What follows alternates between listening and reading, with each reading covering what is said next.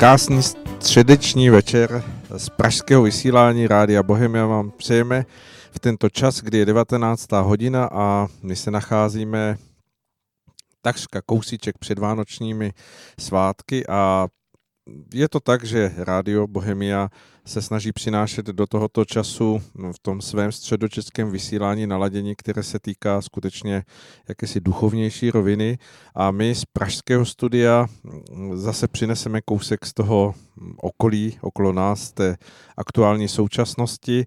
A tak eh, je to nastaveno, že Přede mnou už tady sedí Marian Kechlibar, kterého zdravím. Dobrý večer. A od mikrofonu vás zdraví Aleš Svoboda, který supluje momentálně Karla Kříže, který se chystá na svůj veliký e, divadelní výstup, který proběhne v pátek 20. 12. E, v takovém historickém místě, kde v Betlemské kapli v centru Prahy bude jeho vystoupení, takže pokud ještě seženete volné lístky, tak si je rychle pořiďte, abyste se mohli zúčastnit tohoto vystoupení. Karla, zdravíme na dálku a e, s Marianem rovnou skočíme do toho aktuálního dění, které e, opět přineslo mnoho událostí a my jsme si vybrali pro dnešek jako středové téma navrácení se k těm britským volbám, které proběhly e, takřka před necelým týdnem, před šesti dny pro nás v trochu nezvyklý volební den, tuším, že to byl čtvrtek a, a že uh, myslím, že zejména Toryové eh, v čele s Borisem Johnsonem ho mohou nazvat jako úspěšný čtvrtek nebo jako nějaký nesmírně úspěšný. Nesmírně úspěšný čtvrtek. A dobře, tak Mariane, pojďme, pojďme na to. Já, eh, já první bych asi měl říct posluchačům, že dneska bude více písniček než obvykle, protože já jsem rekonvalescent teď. Jestli znáte dvě nejhorší nemoci, které můžou postihnout muže, tak je to rýmička a kašlíček. A ty, tyto dva zabijáci mě postihli naráz a dneska teda už nějak mluvím, ale pořád to ještě chce občasnou, občasnou úlevu, takže z toho důvodu budou ty písničky, aby někdo mluvil nebo zpíval místo mě.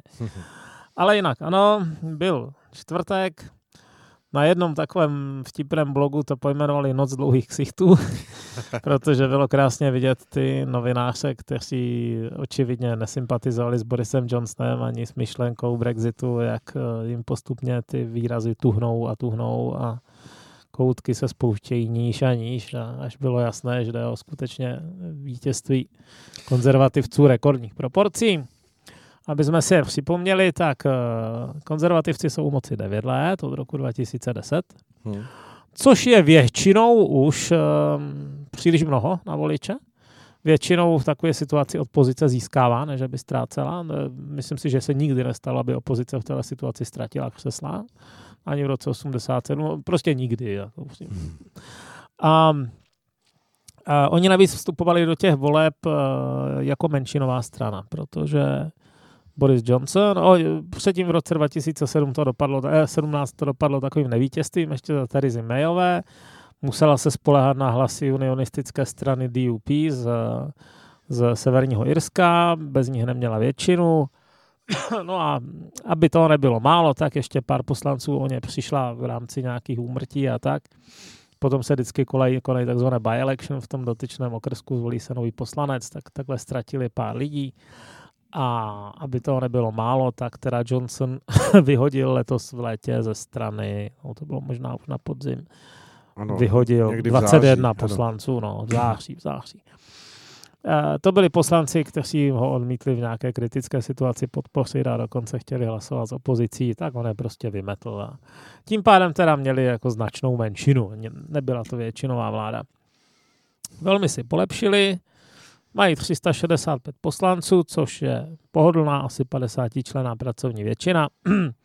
Oficiálně by bylo potřeba 326, když by člověk počítal, že parlament má 650 křesel, ale vstupuje do toho Irská republikánská strana Sinn Féin, která kandiduje v severním Irsku, ale ti poslanci zásadně bojkotují ten parlament. Hmm. Čili volí je ti, kdo chtějí dát najevo, že nepovažují britskou vládu nad Severním Irskem za legitimní. Oni sami by se nikdy nesnížili k tomu, aby přísáli věrnost královně a podobně, což se musí při vstupu do, do dolní sněmovny.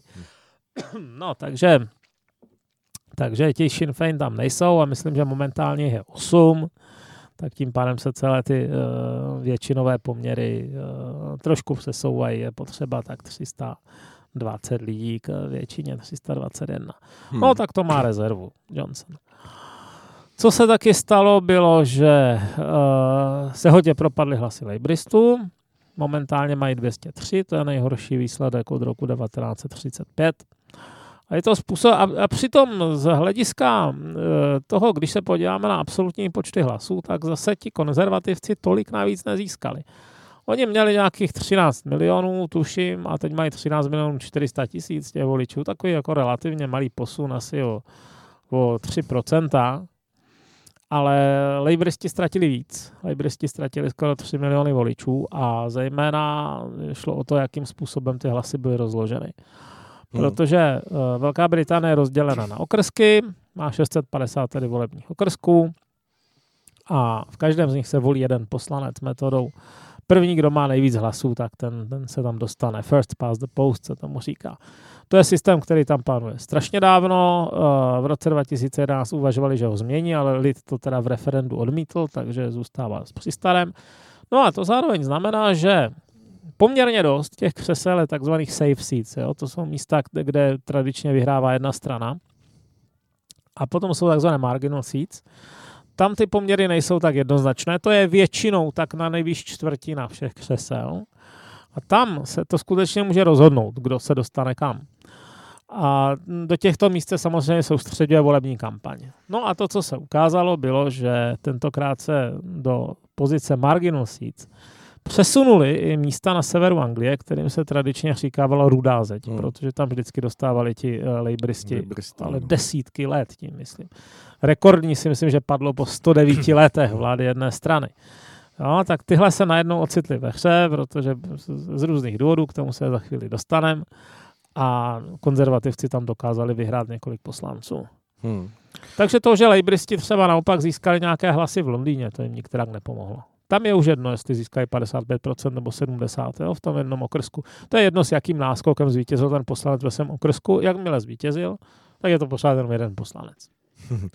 Jak se sčítali hlasy, vy jste to nazval hezky tou nocí dlouhých obličejů. Já myslím, že ksichtů zapsadí líp. No a to asi mohli sledovat uh, posluchači i, i u nás, protože je zvláštní, že, že to bylo jako velké překvapení i pro hm, vlastně mainstreamová média u nás v České republice, což je zvláštní, ale budíš.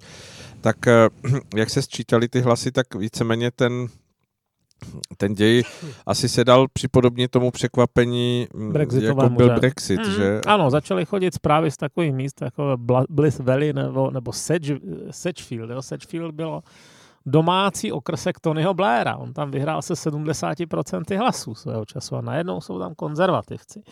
Tam myslím, že kandidovala právě uh, spojenkyně jako na straně liberistické přímá spojenkyně Jeremyho Corbina, toho předsedy, to se jmenuje Laura Pitcock, mhm. vymetli. No, to jsou takové zázraky, to když začaly chodit zprávy, že v bývalých hornických městech, které byly vždycky do ruda, začínají vítězit konzervativci. Ano, to bylo, to bylo to samé, jako když bylo to brexitové sčítání a najednou teda hlásili nějaká první města, ve kterých to dopadlo o 5-7% jinak, než se čekalo a začalo být patrné, že asi ta balance je jinde, než se, se předpovídalo. Hmm. No. Eh, jak to hm, eh, můžeme nahlížet eh, z pohledu těch, těch laboristů, kteří tak trochu možná nav, navnaděni tím laciným vítězstvím nebo jakýmsi hm, pře, převálcováním těch předchozích voleb, kdy, kdy se eh, vlastně naopak dostali jakoby trochu na koně, protože ta očekávaná hm, většina Eh, Sirzi Mayové tehdy se nedostavila a, mm. a oni možná tak trochu čekali, že, že to bude podobné. Jak, jak to mohli prožívat? Nebo zejména Jeremy Corbyn, jak, jak to asi nahlížel s tím svým programem, který jsme tady tak trochu rozebírali v tom našem minulém vysílání? První věc, eh, není lídr jako lídr a Syriza Mayová byla velmi slabý soupeř. Je to, je to trapné říkat takovou samozřejmost, a Johnson není Mayová. Jeho, jeho taktické instinkty jsou úplně někde jinde. Mayová byla neoblíbená ze spousty důvodů, nejenom kvůli tomu, že má charisma mokrého hadru, ale to, to řekl svého času, myslím, Daniel Farage, ta, ta, ten, ten Nigel Farage o Hermanovi van Rompuyovi, ne, ale ono to platí o více politici. O, není, nemá charisma, to je jedna věc, ale to, že v těch volbách sáhla po tématech, která byla prostě britskou veřejnost odpudivá, počínaje nějakými těmi povolením lovu na lišku, což už dneska moc nemusí ani ta konzervativní část. Konče to, čemu se říkalo daň z demence. Jo. To, to, to, to spočívalo v tom, že léčba starých pacientů, kteří trpí Alzheimerem a spol se bude financovat z hodnoty jejich domů, že se, by se případně prodávali jejich domy. Uhum. No tak tohle řekněte 70-letým lidem, kteří vždycky volili konzervativce a, a e, těší se, že odpo, nebo těší se. Počítají s tím, že ten dům odkážou svým dětem. Na to se málo kdo těší, ale hodně lidí s tím počítá, že?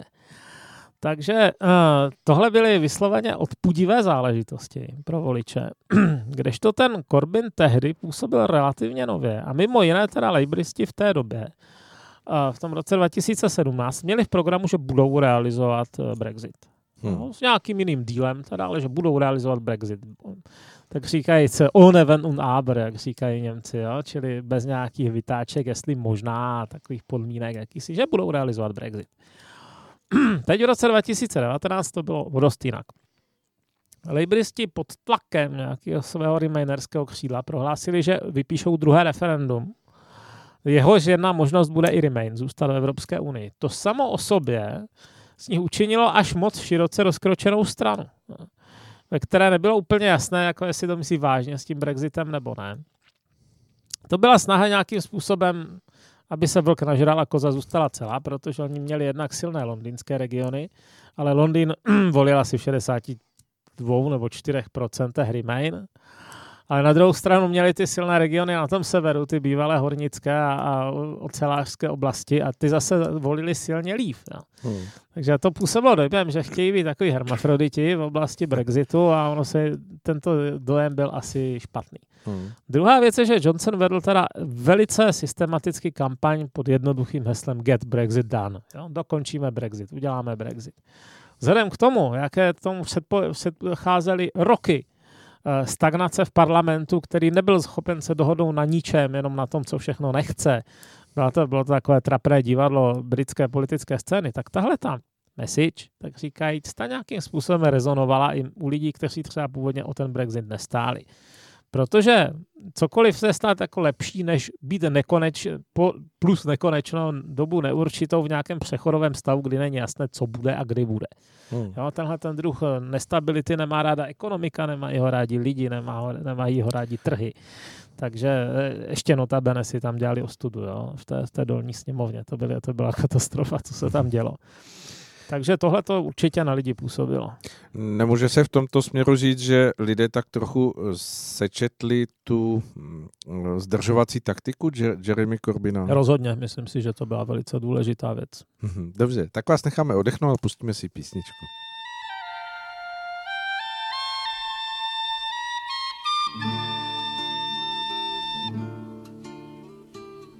Měl šedej plášť, kočičí krok, smutnou tvář. Za pasem nůž a vedle něj kříž a snář. Ten piják hvězd na stovkách cest polikal prach.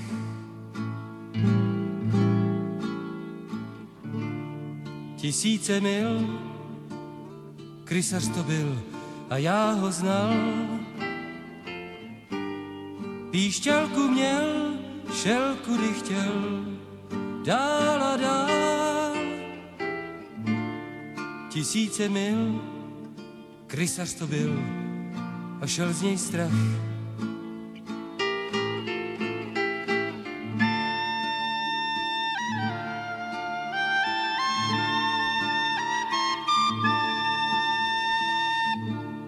Šel a kam stoup, vyrost jak sloup k nebydým.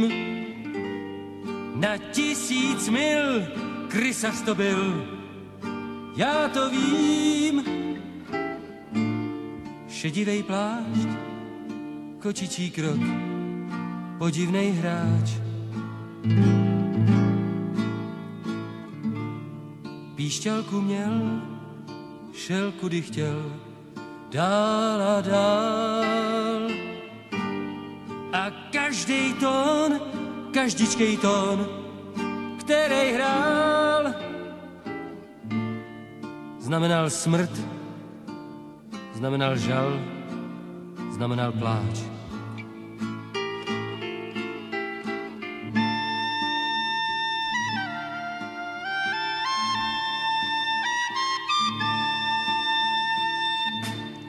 Hrál slovo my a naše vlast, mír a čest. A myslel vy a vaše krev, válka, pěst. Co musel znát, co uměl hrát z hůdných not.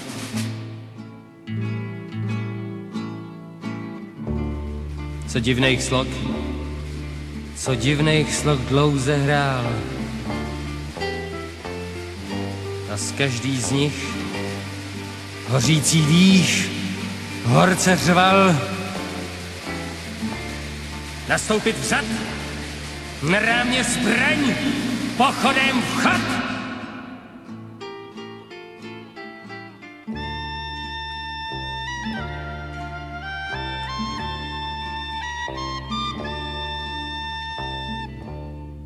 Teď je tu zas kočičí krok, smutná tvář. Za pasem nůž a vedle něj kříž a snář. Slyším ho hrát, je to ten tón, tenčí než vlas. To v kostech měst začíná kvést bílej prach. Píšťalka zní a všichni z ní máme strach.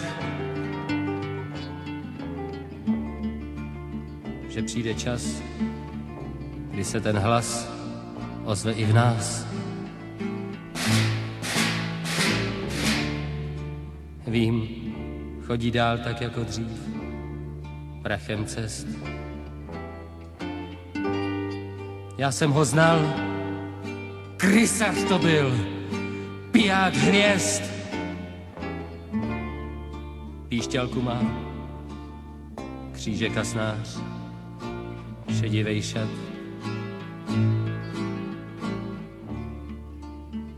A mně se zdá, a mně se zdá, že už je čas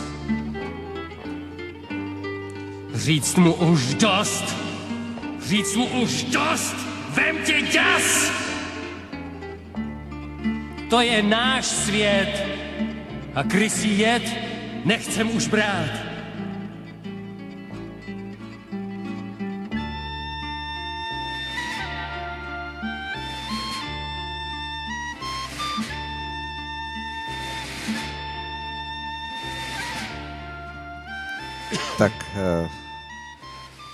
Dozněla nám skladba s krysařem, nebo s tím, kdo ve, zvedl za sebou ty davy, tak eh, se pojďme vrátit k těm politickým osobám, které se snaží vést davy. Mm. Mariane, v té eh, britské eh, pozici, ve které se teď nachází Labouristé, asi není úplně závidění hodná situace, eh, když vezmeme, že, že ten výsledek je skutečně historicky hodně daleko do, do minulosti špatný. Zatím existuje jediný průzkum veřejného mínění mezi eh, voliči, kteří odpadli od Labouristů. Ten říká, že většinou jim důvodem, nebo že nejvýznamnější důvodem byla právě osoba předsedy Jeremyho Corbina, Druhá položka byl Brexit a pak teprve někde daleko se táhnou jako programová záležitosti hmm. a navrhované politiky a podobně. A hmm. jak jsem tak četl v různých komentářích a na blozích a tak, kde třeba píšou lejbrističtí dobrovolníci, kteří dělali kampaň to, to dveří ke dveřím. Hmm. Sice to není reprezentativní, ale přece jenom je to informativní a ve říkali, že, že jim lidi říkají, Korby nedivné, já se s ním nemůžu smířit, s vaše vedení je na hlavu. Když to vezmu, ten sever, ten sever, uh, to je uh, bývalá průmyslová oblast, jak jsem říkal, ještě tam nějaký průmysl je, ale málo. Uh, definitivně zlikvidovala některé odvětví Tečrová. Adekvátně za to byla nenáviděná, že? Ta, mm-hmm, ta jako potlačování National Union of Miners, neboli, neboli Národní uh, hornický odborový svaz, to byl velký nepřítel vlády v 80. letech. Ona si na jeho rozbití troufla až v druhém volebním období. Poprvé vyhrála ty volby v roce 79, ne? Mm-hmm. Uh, možná už 78 konec. To teď z hlavy nevím. Kdy přesně se konaly ty volby. Já myslím, že 79 na jaře. Po druhé je vyhrála s trochou štěstí po Falklandské válce, ve které zvítězila. A teprve v tom druhém období si teda vůbec troufla na ty horníky. A to byly, to byly bitky, jako rvačky s policií, výhrušky pověšením. Bylo to docela drastické. Byla to taková, taková neklidná doba a samozřejmě ten, ten britský uhelný průmysl už tou dobou byl udržovaný z dotací. Těžit eh, suroviny v západní zemi bylo čím dál obtížnější, nehledě k tomu, že oni těží to uhlí už asi od 18. století, takže to bylo v čím dál horších, hůř dostupných lokalitách, neekonomicky. To máme ten samý problém na Ostravsku, že, že ostravské, ostravské uh, žíly už byly nepoužitelné, karvinské ještě šly, ale ostravské ne. Eh, v zásadě to bylo potřeba dotovat, no. bylo by potřeba na světovém trhu, to se nedá moc dlouho dělat. Nicméně tohleto dědictví, že tam zanikl ten těžký průmysl, že lidi přišli o práci, bylo strašně e, závažné a z toho důvodu tam ti konzervativci dlouho neměli šanci. Ještě navíc je recentnější důvod, protože Tečrova už je mrtvá, že? ale je novější důvod. Když tady padly Lehman Brothers před 11 lety, tak začala velká krize, že? Nejhorší za 100 let pomalu od té, od té, od té velké hospodářské krize ve 20. letech, 30. A ta dost značným způsobem poškodila britské hospodářství. Hmm. A stát zjistil, že mu schází asi 40 miliard liber ročně no, na, na vybraných daních. Ale samozřejmě závazky měl, takže eh, se propadly ty, to hospodáření britského státu do šílených deficitů. A v roce 2010 výjimečně tři velké nebo významné strany, eh, konzervativci i laboristi, i liberální demokrati, kandidovali s tím, že, bude muset, že se bude muset šetřit. Tomu se říká austerita v tom britském slangu, jo? úsporná opatření. Uh-huh. A jestli si vzpomeneme na klauzové balíčky, ale daleko drastičtější podobě. Teda. Austerita, kterou nastolili v Británii, byla opravdu tvrdá. Eh, netýkala se v podstatě jenom dvou věcí. Netýkala se ku podivu zahraniční rozvojové pomoci, ale to zase není tolik peněz. A netýkala se teda oficiálně zdravotnictví, to NHS. Tam eh, nebyly přímo škrtány peníze, ale bylo jim přidáváno pomalej. No. Jinak všechny ostatní oblasti, armáda, eh, policie, školství, údržba infrastruktury, regionální a městské rozpočty museli počítat s velmi silnými škrty. A některé městské rozpočty přišly třeba o 40% peněz. Hmm. To je těžké si představit. A tahle ta austerita, ta trvala v podstatě až do loňského roku. Což je teda další dědictví, které by v zásadě mělo ty konzervativce pohřbít. Jo? A přesto, hmm. přesto jim to ti lidi nakonec zase tak nevyčítali, protože za A Brexit, za B, za B teda skutečnost, že zrovna ten Boris Johnson, který teď byl zvolen, takže s tou autoritou skon, eh, austeritou skoncuje. On je známý tím, že rád utrácí. Jo? Jiná věc je, jestli se to teda neprojeví na, nějak negativně na britských veřejných financích, ale prostě po 8-9 letech šetření už je popravdě řečeno čas přestat šetřit, protože některýma věcma už se žilo z podstaty. Když se začínají ty chodníky a silnice rozpadat, tak to není dobré. No. Ta, ta údržba se dá odkládat jenom já nevím, třeba dva roky, ale ne deset. No a tohle, na tohle docela slyšeli ti severní voliči protože zrovna ten severní oblast, tam, tam, tam, tam Liverpool a Nottingham a spol, eh, byla to austeritou docela postižená těžce. Pak je tu další věc a to, kdo je vlastně Jeremy Corbyn. Jeremy Corbyn je v podstatě komunista. Já, já, mě nenapadá lepší slovo pro něj.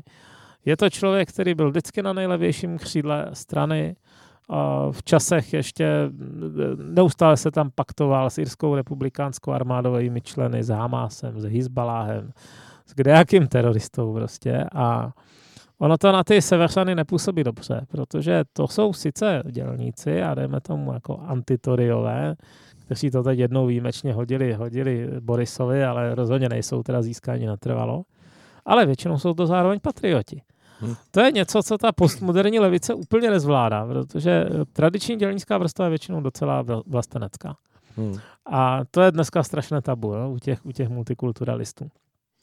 No a Corbyn, který uh, byl dostán k moci uh, levicovým hnutím jménem Momentum, což jsou ve studenti, takový ti radikální, který se působí dojmem, že kdyby hrála Anglie s fotbal s někým, tak bude volit uh, úmyslně fandit tomu někomu jinému, protože to není Anglie. Hmm. Tak u bývalých armádních veteránů a, a jako relativně vlasteneckých lidí na tom severu byl vnímaný extrémně špatně. To, že si rozumí s nějakými muslimskými militanty, to byl fakt problém.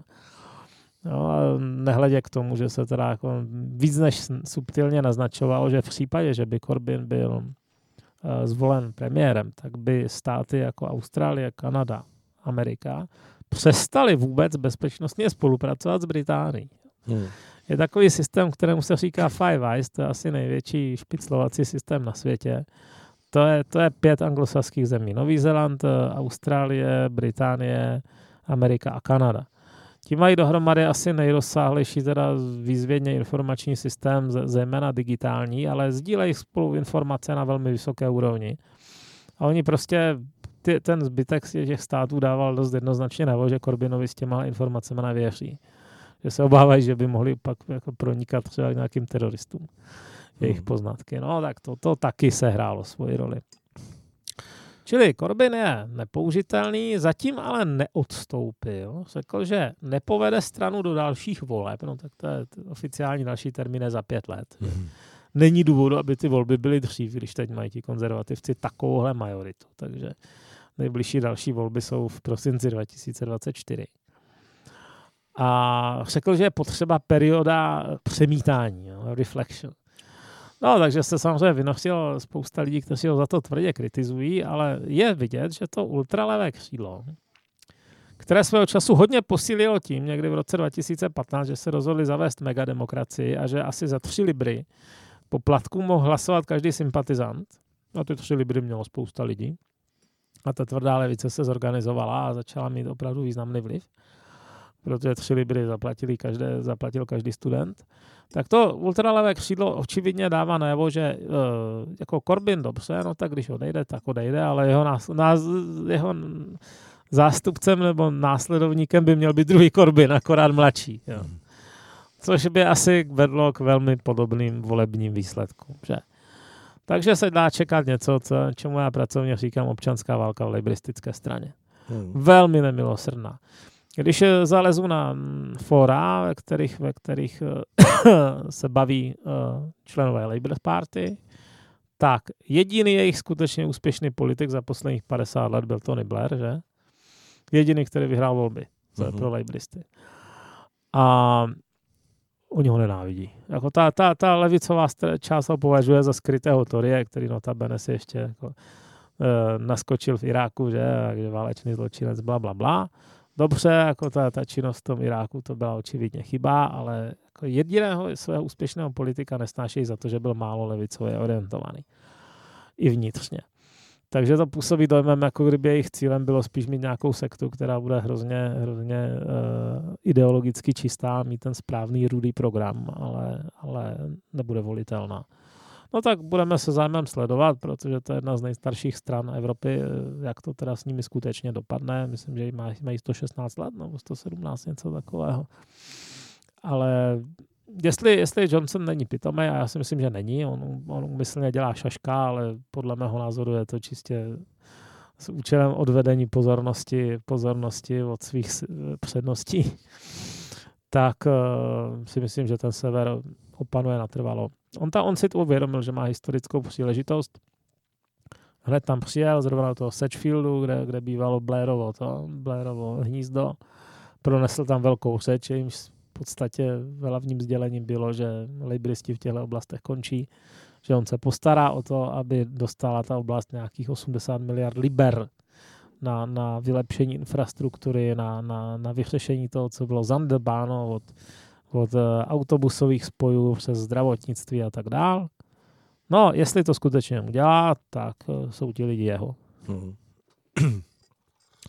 O tom, že, že eh, Jeremy Corbyn končí, asi není pochyb. Je otázka ten časový, časový, horizont. časový horizont. Ale kdo tam připadá v úvahu, když se na to podíváme? Tam je několik osobností, které zřejmě asi budou těmi horkými kandidáty, ale není ještě zdaleka jasno, že by byl favorit, který by už teď jako připadal jednoznačně. Není, vůbec není jasno. Bude mnoho kandidátů. Vzhledem k tomu, jak, jak Oni si opravdu, oni otevřeli pandořinu skřínku, kterou nezavřou tím, že umožnili to hlasování těm sympatizantům za ty tři libry. Hmm. To už se jim bude ohromně těžko vracet zpátky, když přesně toho se chytila ta, ta tlupa kolem momentum. A oni teď ty hlasy mají. Oni by museli sebrat sami sobě volební právo. Kdo to udělá? Hmm. Takže toto byl nezvratný krok, jako bod, od kterého nelze, nelze v podstatě se vrátit zpět. A myslím, že se stanou, kdo říci, rukojmými. Ta, ta, asi jim nakonec, jako kdybych měl typovat dopředu, tak bych řekl, že nenajdou kompromisního kandidáta a že jim asi nezbyde, než se rozdělit. Hmm. Otázka je, kdo si tu stranu nechá. Ale uvidíme, uvidíme. To si myslím, že bude začátek příštího roku velice veselý. Tak a teď se ještě pustíme skladbu a budeme pokračovat.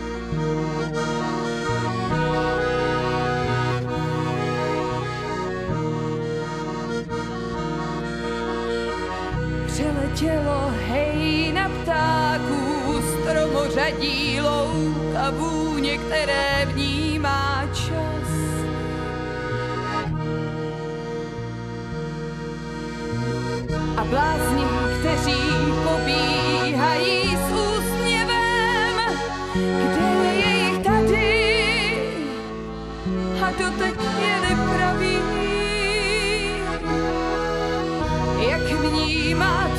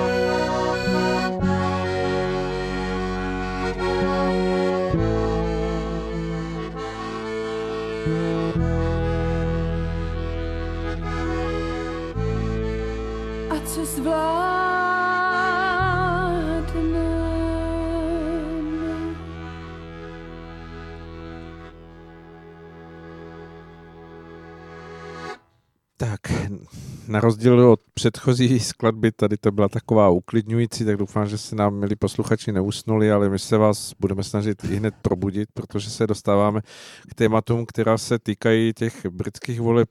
Hm, tak hm, dá se říct jako nej, nejživěji, protože se dotkneme Skotska a Irska, eh, kteří samozřejmě z těch výsledků musí odvozovat nějaký postoj, který se jich bude týkat právě i Brexitu a dalších záležitostí. Tak kde začneme? Ve Skotsku, Mariane? Tak, eh, stálo by za to zmínit, eh, kde je základ toho problému. Základ problému je v tom, že Spojené království to jsou čtyři království vlastně.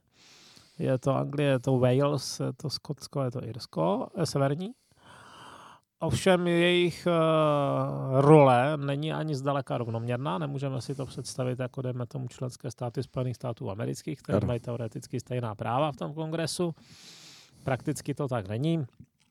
Anglie je zdaleka největší, 50 milionů lidí, možná 55. Wales, Skotsko, menší státy 3, 3 až 6 milionů, Severní Irsko úplně prťavé, to má 1 milion. Takže reálně to rozhodnou se angličani jít někam, tak je to jako kdybyste se snažili zadržet slona. No a to, ten, to se přesně stalo Brexitu, protože pro Brexit velmi výrazně hlasovala Anglie. Ještě lehce, i když méně Wales, ale uh, Velšani si stěžují, že to byli hlavně angličtí důchodci usedlí tam na stáří. A Severní Irsko bylo proti a Skotsko bylo velmi jednoznačně proti. Hmm. Asi 64 ku 36. Ale uh, bylo to celobritské hlasování, takže zvítězili ty hlasy z těch anglických menších měst, hlavně Londýn byl taky proti. Hmm. No a teď první problém. Uh, samotné, samotné Severní Irsko je hrozně intenzivně provázáno se zbytkem Irska ekonomicky. Politicky už to tak je jednoduché není. Je to tam skoro 50-50 mezi katolíky, kteří by převážně stáli o sjednocení s Irskou republikou, mezi protestanty, kteří jsou loajální vůči britské koruně. Ti katolíci mají trochu víc dětí, možná dokonce nevýznamně víc, takže pomaličku se ta balance v tom severním Irsku přesouvá na jejich stranu. V letošní volbách hmm. získali třeba dalšího člověka na Sinn Féin. Dlouho měli sedm poslanců, už mají osm. Ano ale je to teda pozvolný vývoj, je to opravdu generační vývoj. Ale eh, kdyby tam vznikla tvrdá hranice, no, eh, ta by byla velice obtížně hlídatelná. Něco takového fungovalo tehdy za těch troubles v 70. a 80. letech, ale znamenalo to zaslepit ohromné množství silnic, neumožňovat lidem, kteří mají pozemky na obou stranách, že je dost, nebo rodinám, aby se kdo ví jak moc navštěvovali, aby tam hospodařili. A ještě navíc se ty pohraniční budky stávaly terčem útoku teroristů. Většinou to bylo izolované v krajině, nepříliš osídlené a tak dál, takže to byl jako výborný terč. Samozřejmě dneska je taky trošku jiná technika a podobně. Asi není tak jednoduché uspořádat teroristický útok eh, v Irsku, ale ty obavy tam stále jsou. Jakoby lidi, kteří si to pam- pamatují, ještě žijí ani nejsou příliš staří. A druhá věc je, ano, rozříznout ten ostrov teda ekonomicky by znamenalo, že by docela trpěl. Hmm. Jenomže ono to zároveň asi úplně jinak nejde.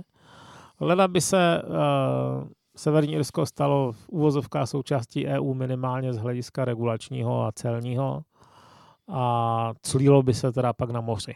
No. Jinak by to byla hranice pašerákům otevřená. Eh, momentálně jsou, momentálně má britské a unijní právo zhodu v tom, co se smí a nesmí kde dělat, protože je to členský stát, ale ono to začne od sebe divergovat.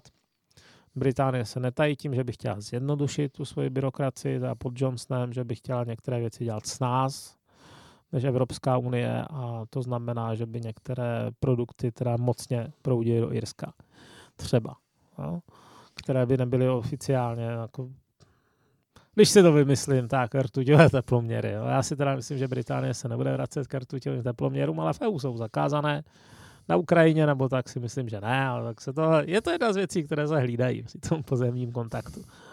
Můžete se jmenovat Mahmed a mít, mít 40 a 16 a projdete, ale ten rtuťový teploměr neprojde. ale eh, konec žertu, jo. Skutečně by se to rozešlo a bylo by to teda problém pro obě strany, i když víc pro tu Evropskou unii. No, takže to byla zároveň věc, na které se oddělala, tak říkají Theresa May, protože ona svého času kývla na něco, čemu se říkalo irský backstop a to víceméně znamenalo, že kdyby se nezhodli Británie a Evropská unie na budoucím uspořádání svých vztahů, tak by Británie byla vázána buď eh, členstvím v společném trhu, anebo by musela Severní Irsko teda jako nutně vydat té Evropské unii. Ne, ne z hlediska transferu suverenity, to ne, ale z hlediska ekonomického. Čili ono by bylo součástí společného trhu a e, zbytek Británie ne. Což by byla taková jako poloviční odtržení de facto, protože ty ekonomické vztahy jsou důležité. No tak to bylo něco, co nebylo přijatelné pro konzervativce a nebylo to přijatelné ani pro tu unionistickou stranu, o které jsme se zmiňovali, která držela tu minulou vládu u moci díky tomu ten, no kvůli tomu ten uh, deal, který uzavřela Mayová, který předložila čtyřikrát parlamentu, tak neprošel ani jednou. že čtyřikrát, no. ano, no. No a Johnson teda nějakým způsobem vymohl po Evropské unii, že ten backstop v podstatě nebude, jo? že by mohla, že, že ano, budou mít nějaké období po po Brexitu, který má být 31. ledna na definitivní uspořádání svých vztahů, ale že ta Británie tam nebude vázána, že bude moci jednostranně vystoupit z tohoto vztahu. No, uh, takže jestli to tak skutečně bude, uvidíme, teď to půjde do parlamentu, parlament to nejspíš Johnsonovi schválí, pak bude tedy skutečně ten den B 31. ledna, kdy oni upostí Evropskou unii a pak bude ještě delší vyjednávání o o tom, jak teda budou vypadat definitivní vztahy obchodní mezi Británií a EU. Ale ta Británie už není teda vázána tím backstopem. Takže Severní Irsko může dopadnout tak i onak. Oni by sice teoreticky mohli vyhlásit třeba referendum o to, jestli se eh, Severní Irsko nepřipojí k celému Irsku. V, v těch eh, dohodách, které uzavřeli mír, tak eh, se s takovým referendem časem i počítá ale je to pravomoc nějaké tamní političky, momentálně to politička, která prostě nemusí. A ty současné, ty současné preference jsou opravdu tak velmi těsně 50 na 50, těch katolíků a protestantů je tam zhruba stejné množství. Takže to by byl další problém ala Brexit. A dá se očekávat, že, ten, že ten, ta severoirská autonomní vláda to referendum nevyhlásí, protože prostě není jednoznačná vůle ani tam, ani ona. A v takové situaci víc, vítězí status quo. Že? Tak jak to je. No, druhá věc je Skotsko. Skotsko má spíš ideologický než ekonomický problém. Skotský je, sko, ideologie skotské nezávislosti je silná. Mnohem silnější než, než uh, severoírské. Uh, a není moc ekonomicky podložená. Je to opravdu spíš takový jako nacionalismus. Ja. Skotsko je součástí eh, Spojeného království od roku 1707, od té doby se tomu taky říká Spojené království, ale zároveň očividně jako má nějaké afinity k té Evropské unii, byť eh, mně osobně není jasné, do jaké míry jde o autentickou chuť eh, spolupracovat s Němci, Francouzi a do jaké míry jde o to naštvat Angličany. Je pravda, že mezi Skotskem a Francií existovaly tradičně dobré smluvní vztahy kdysi. Old Alliance se tomu říkalo a mezi Německem a Skotskem, pokud vím nikdy, takže... No, zkrátka, Skotsko skutečně uh, mělo v roce 2014 uh, eh, referendum o nezávislosti. Protlačila to Skotská národní strana. To skončilo 45 pro, 55 proti. Říkalo se, že to bude jednou v generaci, ale oni teď říkají, dobře, tehdy se nám vyhrožovalo mimo jiné tím, že bychom zároveň se ocitli mimo Evropskou unii, což je pravda, a teď se stejně ocitne mimo Evropskou unii, což je pravda. Takže chtějí to referendum dělat znova. Jenže, první problém, Skotsko má takzvaný devolvovaný parlament, čili může si spravovat své vlastní záležitosti. Těch záležitostí je mnoho, eh, ale v tom zákonu o devoluci je vysloveně stanoveno, že se to netýká otázky skotské nezávislosti. Pakliže má být legálně, legitimně uděláno referendum, tak eh, další, tak to musí schválit Westminster, britská vláda, britský parlament. Bez toho to nejde. Uh, oni samozřejmě by mohli udělat něco, jako, jako udělali katalánci. Katalánci si udělali de facto jako na černo to, to referendum, ale nejenom, že by jim to poškodilo budoucí vztahy s Evropskou unii, protože třeba zrovna Španělsko je na toto strašně alergické, ale ještě by to hrozilo nelegitimitou, protože v takové situaci hrozí, že unionistická strana nebo polovina voličů řekne, my to bojkotujeme, my se k tomu vůbec nebudeme vyjadřovat, a rázem to referendum ztrácí na legitimitě, když se ta opačná strana ho odmítla akceptovat. Takže já si spíš myslím, že to referendum neprosadí. Druhá věc je dobře, no, tak kdyby, dejme tomu, se jim podařilo dosáhnout nezávislosti. Přetrhají se velice staré ekonomické vazby. Pro začátek ani není úplně jasné, čím by platili.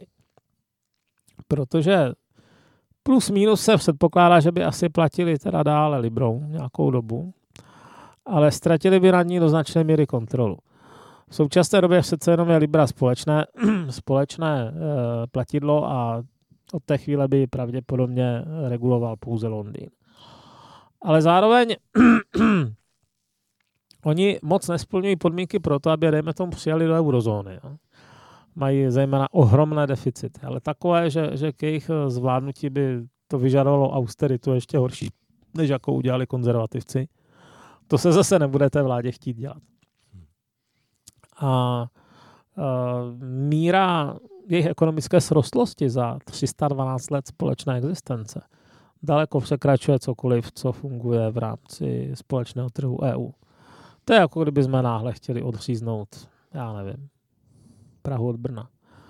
Jo, tady, už, tady už taky máme společný trh už od Habsburku, čili, čili velice, velice dlouho co tady padly celní bariéry a toto to by bylo drastické, kdyby se měly proclívat všechny, všechny uh, zásilky a služby, které pendlují mezi Prahou a Brnem někde u Humpolce.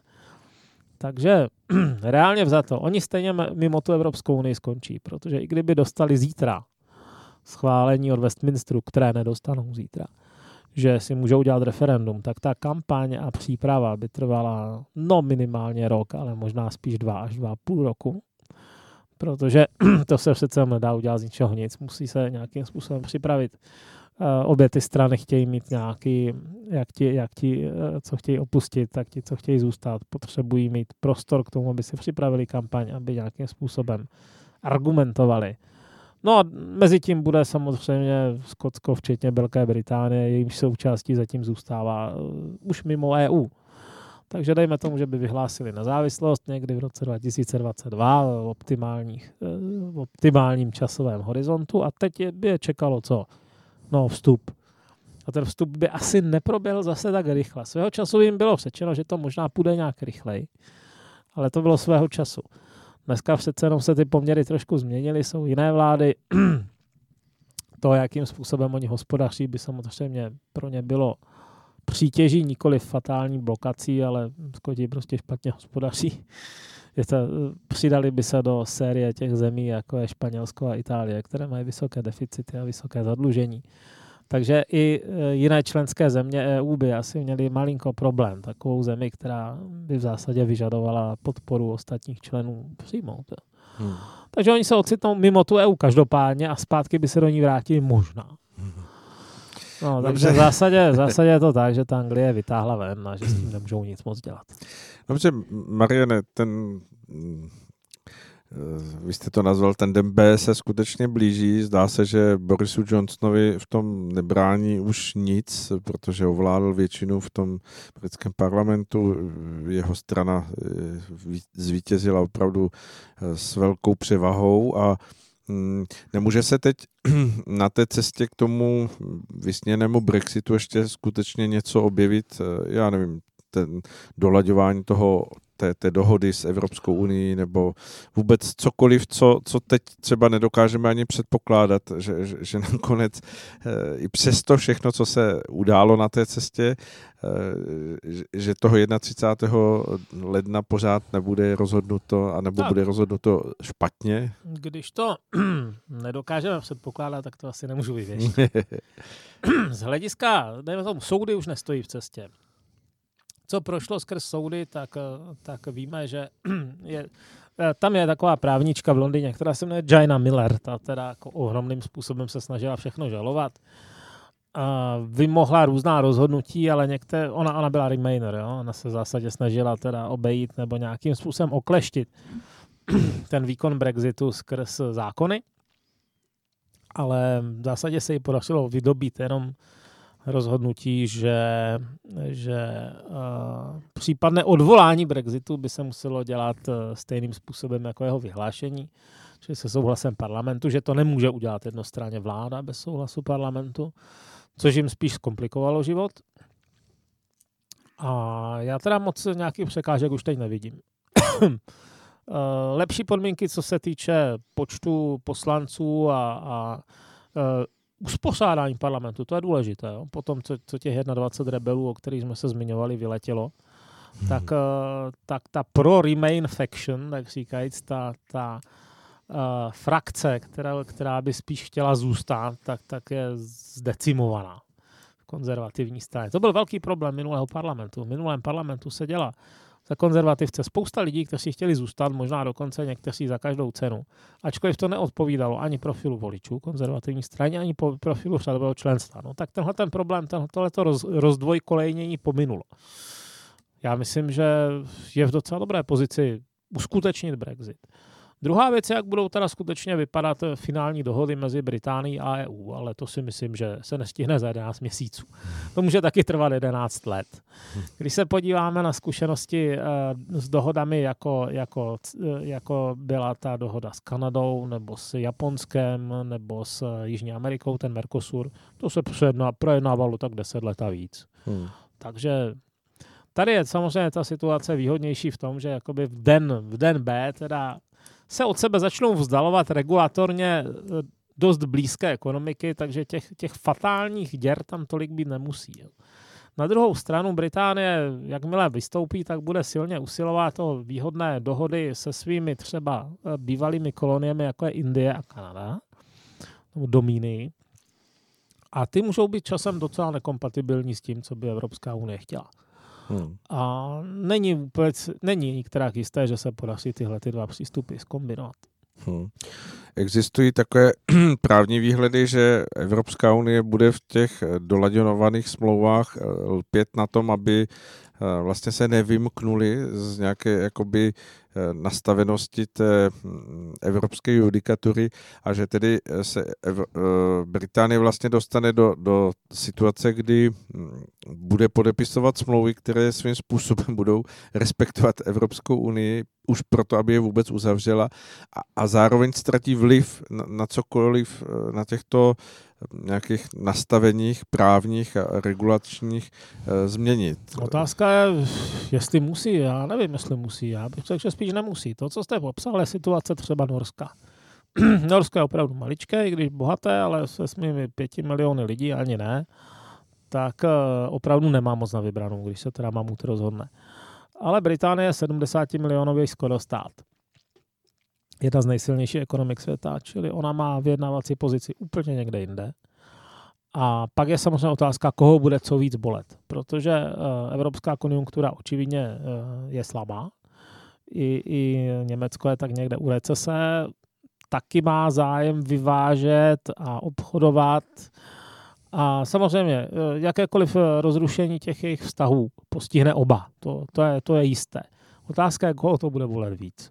Hmm. A to si teda teď vůbec netroufám předpovídat. Jo? Abych samozřejmě schutí řekl Evropskou unii, ale, ale, ale netroufám si to předpovídat, je to jednoduché. A tím pádem si myslím, že ta výsledná dohoda bude dohodou celku rovných stran. Hmm. Dobře, už jsme skoro na závěru našeho povídání, tak se vás zeptám, když se podíváme retrospektivně na tu peripety celého toho dění okolo Brexitu a toho, co se vlastně všechno muselo odehrát, než se přiblíží ten den B, Eh, myslíte si, že přesto všechno bude eh, moci být brána ta cesta Británie jako, jako motivační třeba pro nějaký jiný stát, nebo myslíte, že, že to, ta komplikace celého toho procesu uh, hodně odradí ty země, které by třeba i uvažovaly o něčem podobném, ale nemají na to ekonomickou sílu nebo no, dost Řekněme, že se prokázalo, že ta cesta je možná. Ne, že je nekomplikovaná. Eh, hodně lidí si mám pocit, že si představuje, že to je strašně snadný proces. To si teda ten pocit eh, doufám, že už ztratili. jako, jako vystupné je to. No to, to, to, to nejde, prostě, to, to je skutečně obtížné, ale na druhou stranu se ukázalo, že tedy ta cesta je možná aspoň pro někoho, když ne pro každého. A že je to do jisté míry otázka za teda politických talentů, protože Boris Johnson je talent, na rozdíl od Theresa May.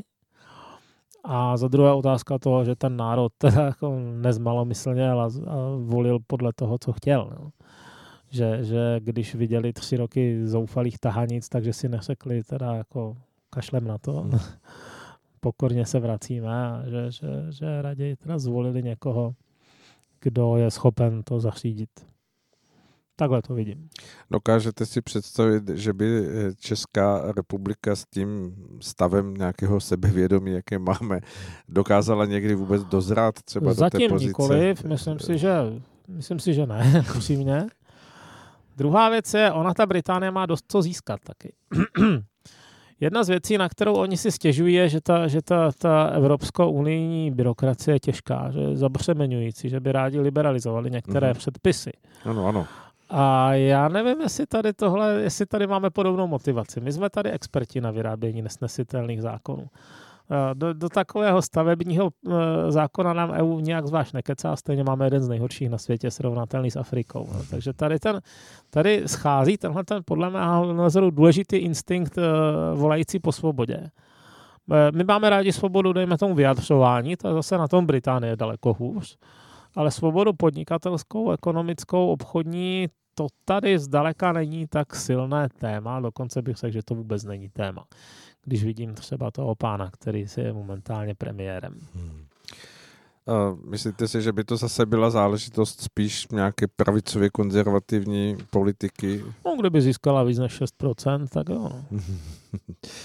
Uvidíme, no. Dobře, Mariane, moc děkujeme, že i přesto, že eh, máte ten váš handicap, který Doléču. vás pronásleduje tím, tím doléčováním, že jste si udělal čas a přišel do tohoto předvánočního vysílání. A Rádo se stalo vlastně kdy příští rok. Budeme se těšit s vámi opět na setkání po novém roce. Děkujeme.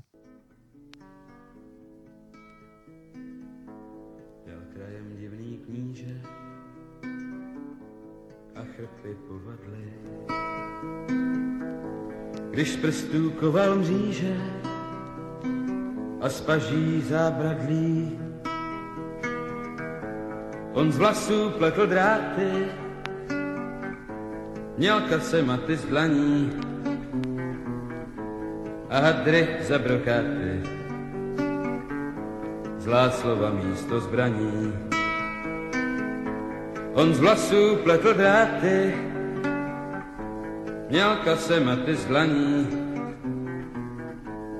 a hadry za brokáty, zlá slova místo zbraní.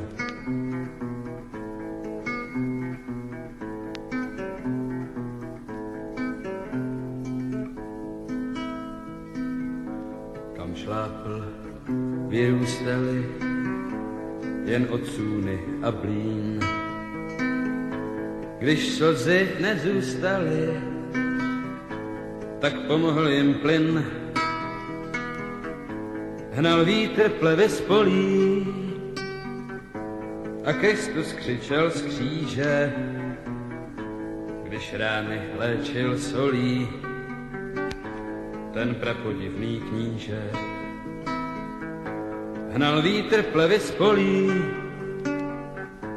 a Kristus křičel z kříže, když rány léčil solí, ten prapodivný kníže.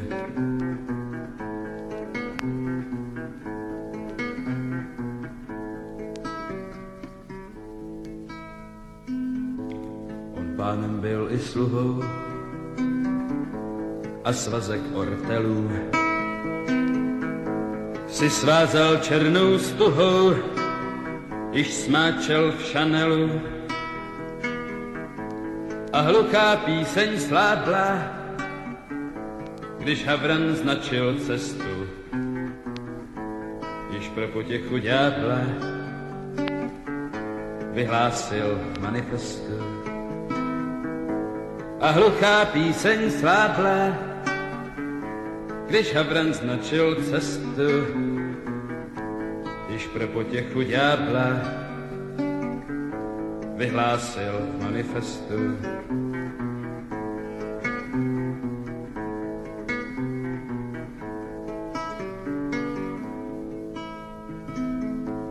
Měl místo básní spisy a jako prózu mor. A potkany a krysy a difosgen a chlor. Měl klobouk z peří rajky a s důstojností snoba on vymýšlel si bajky, v nich vítězila zloba. Měl klobouk z peří rajky a s důstojností snoba on vymýšlel si bajky, v nich vítězila zloba.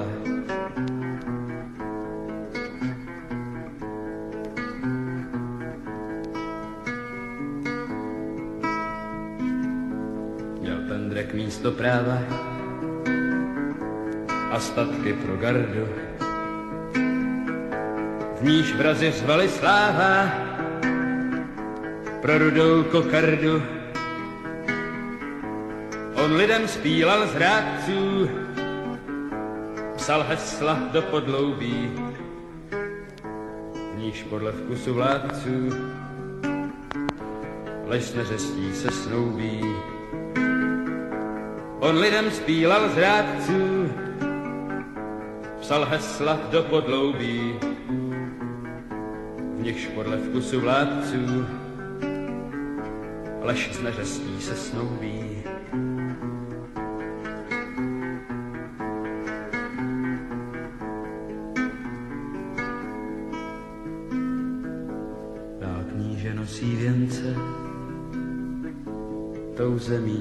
Zemí zděšenou. On strach má za spojence, jde s hlavou svěšenou a netuší, že děti z té země, které mrazí, prostě a bez závěti mu jednou hlavu srazí. A netuší, že děti té země, v které mrazí, prostě a bez závěti mu jednou hlavu srazí.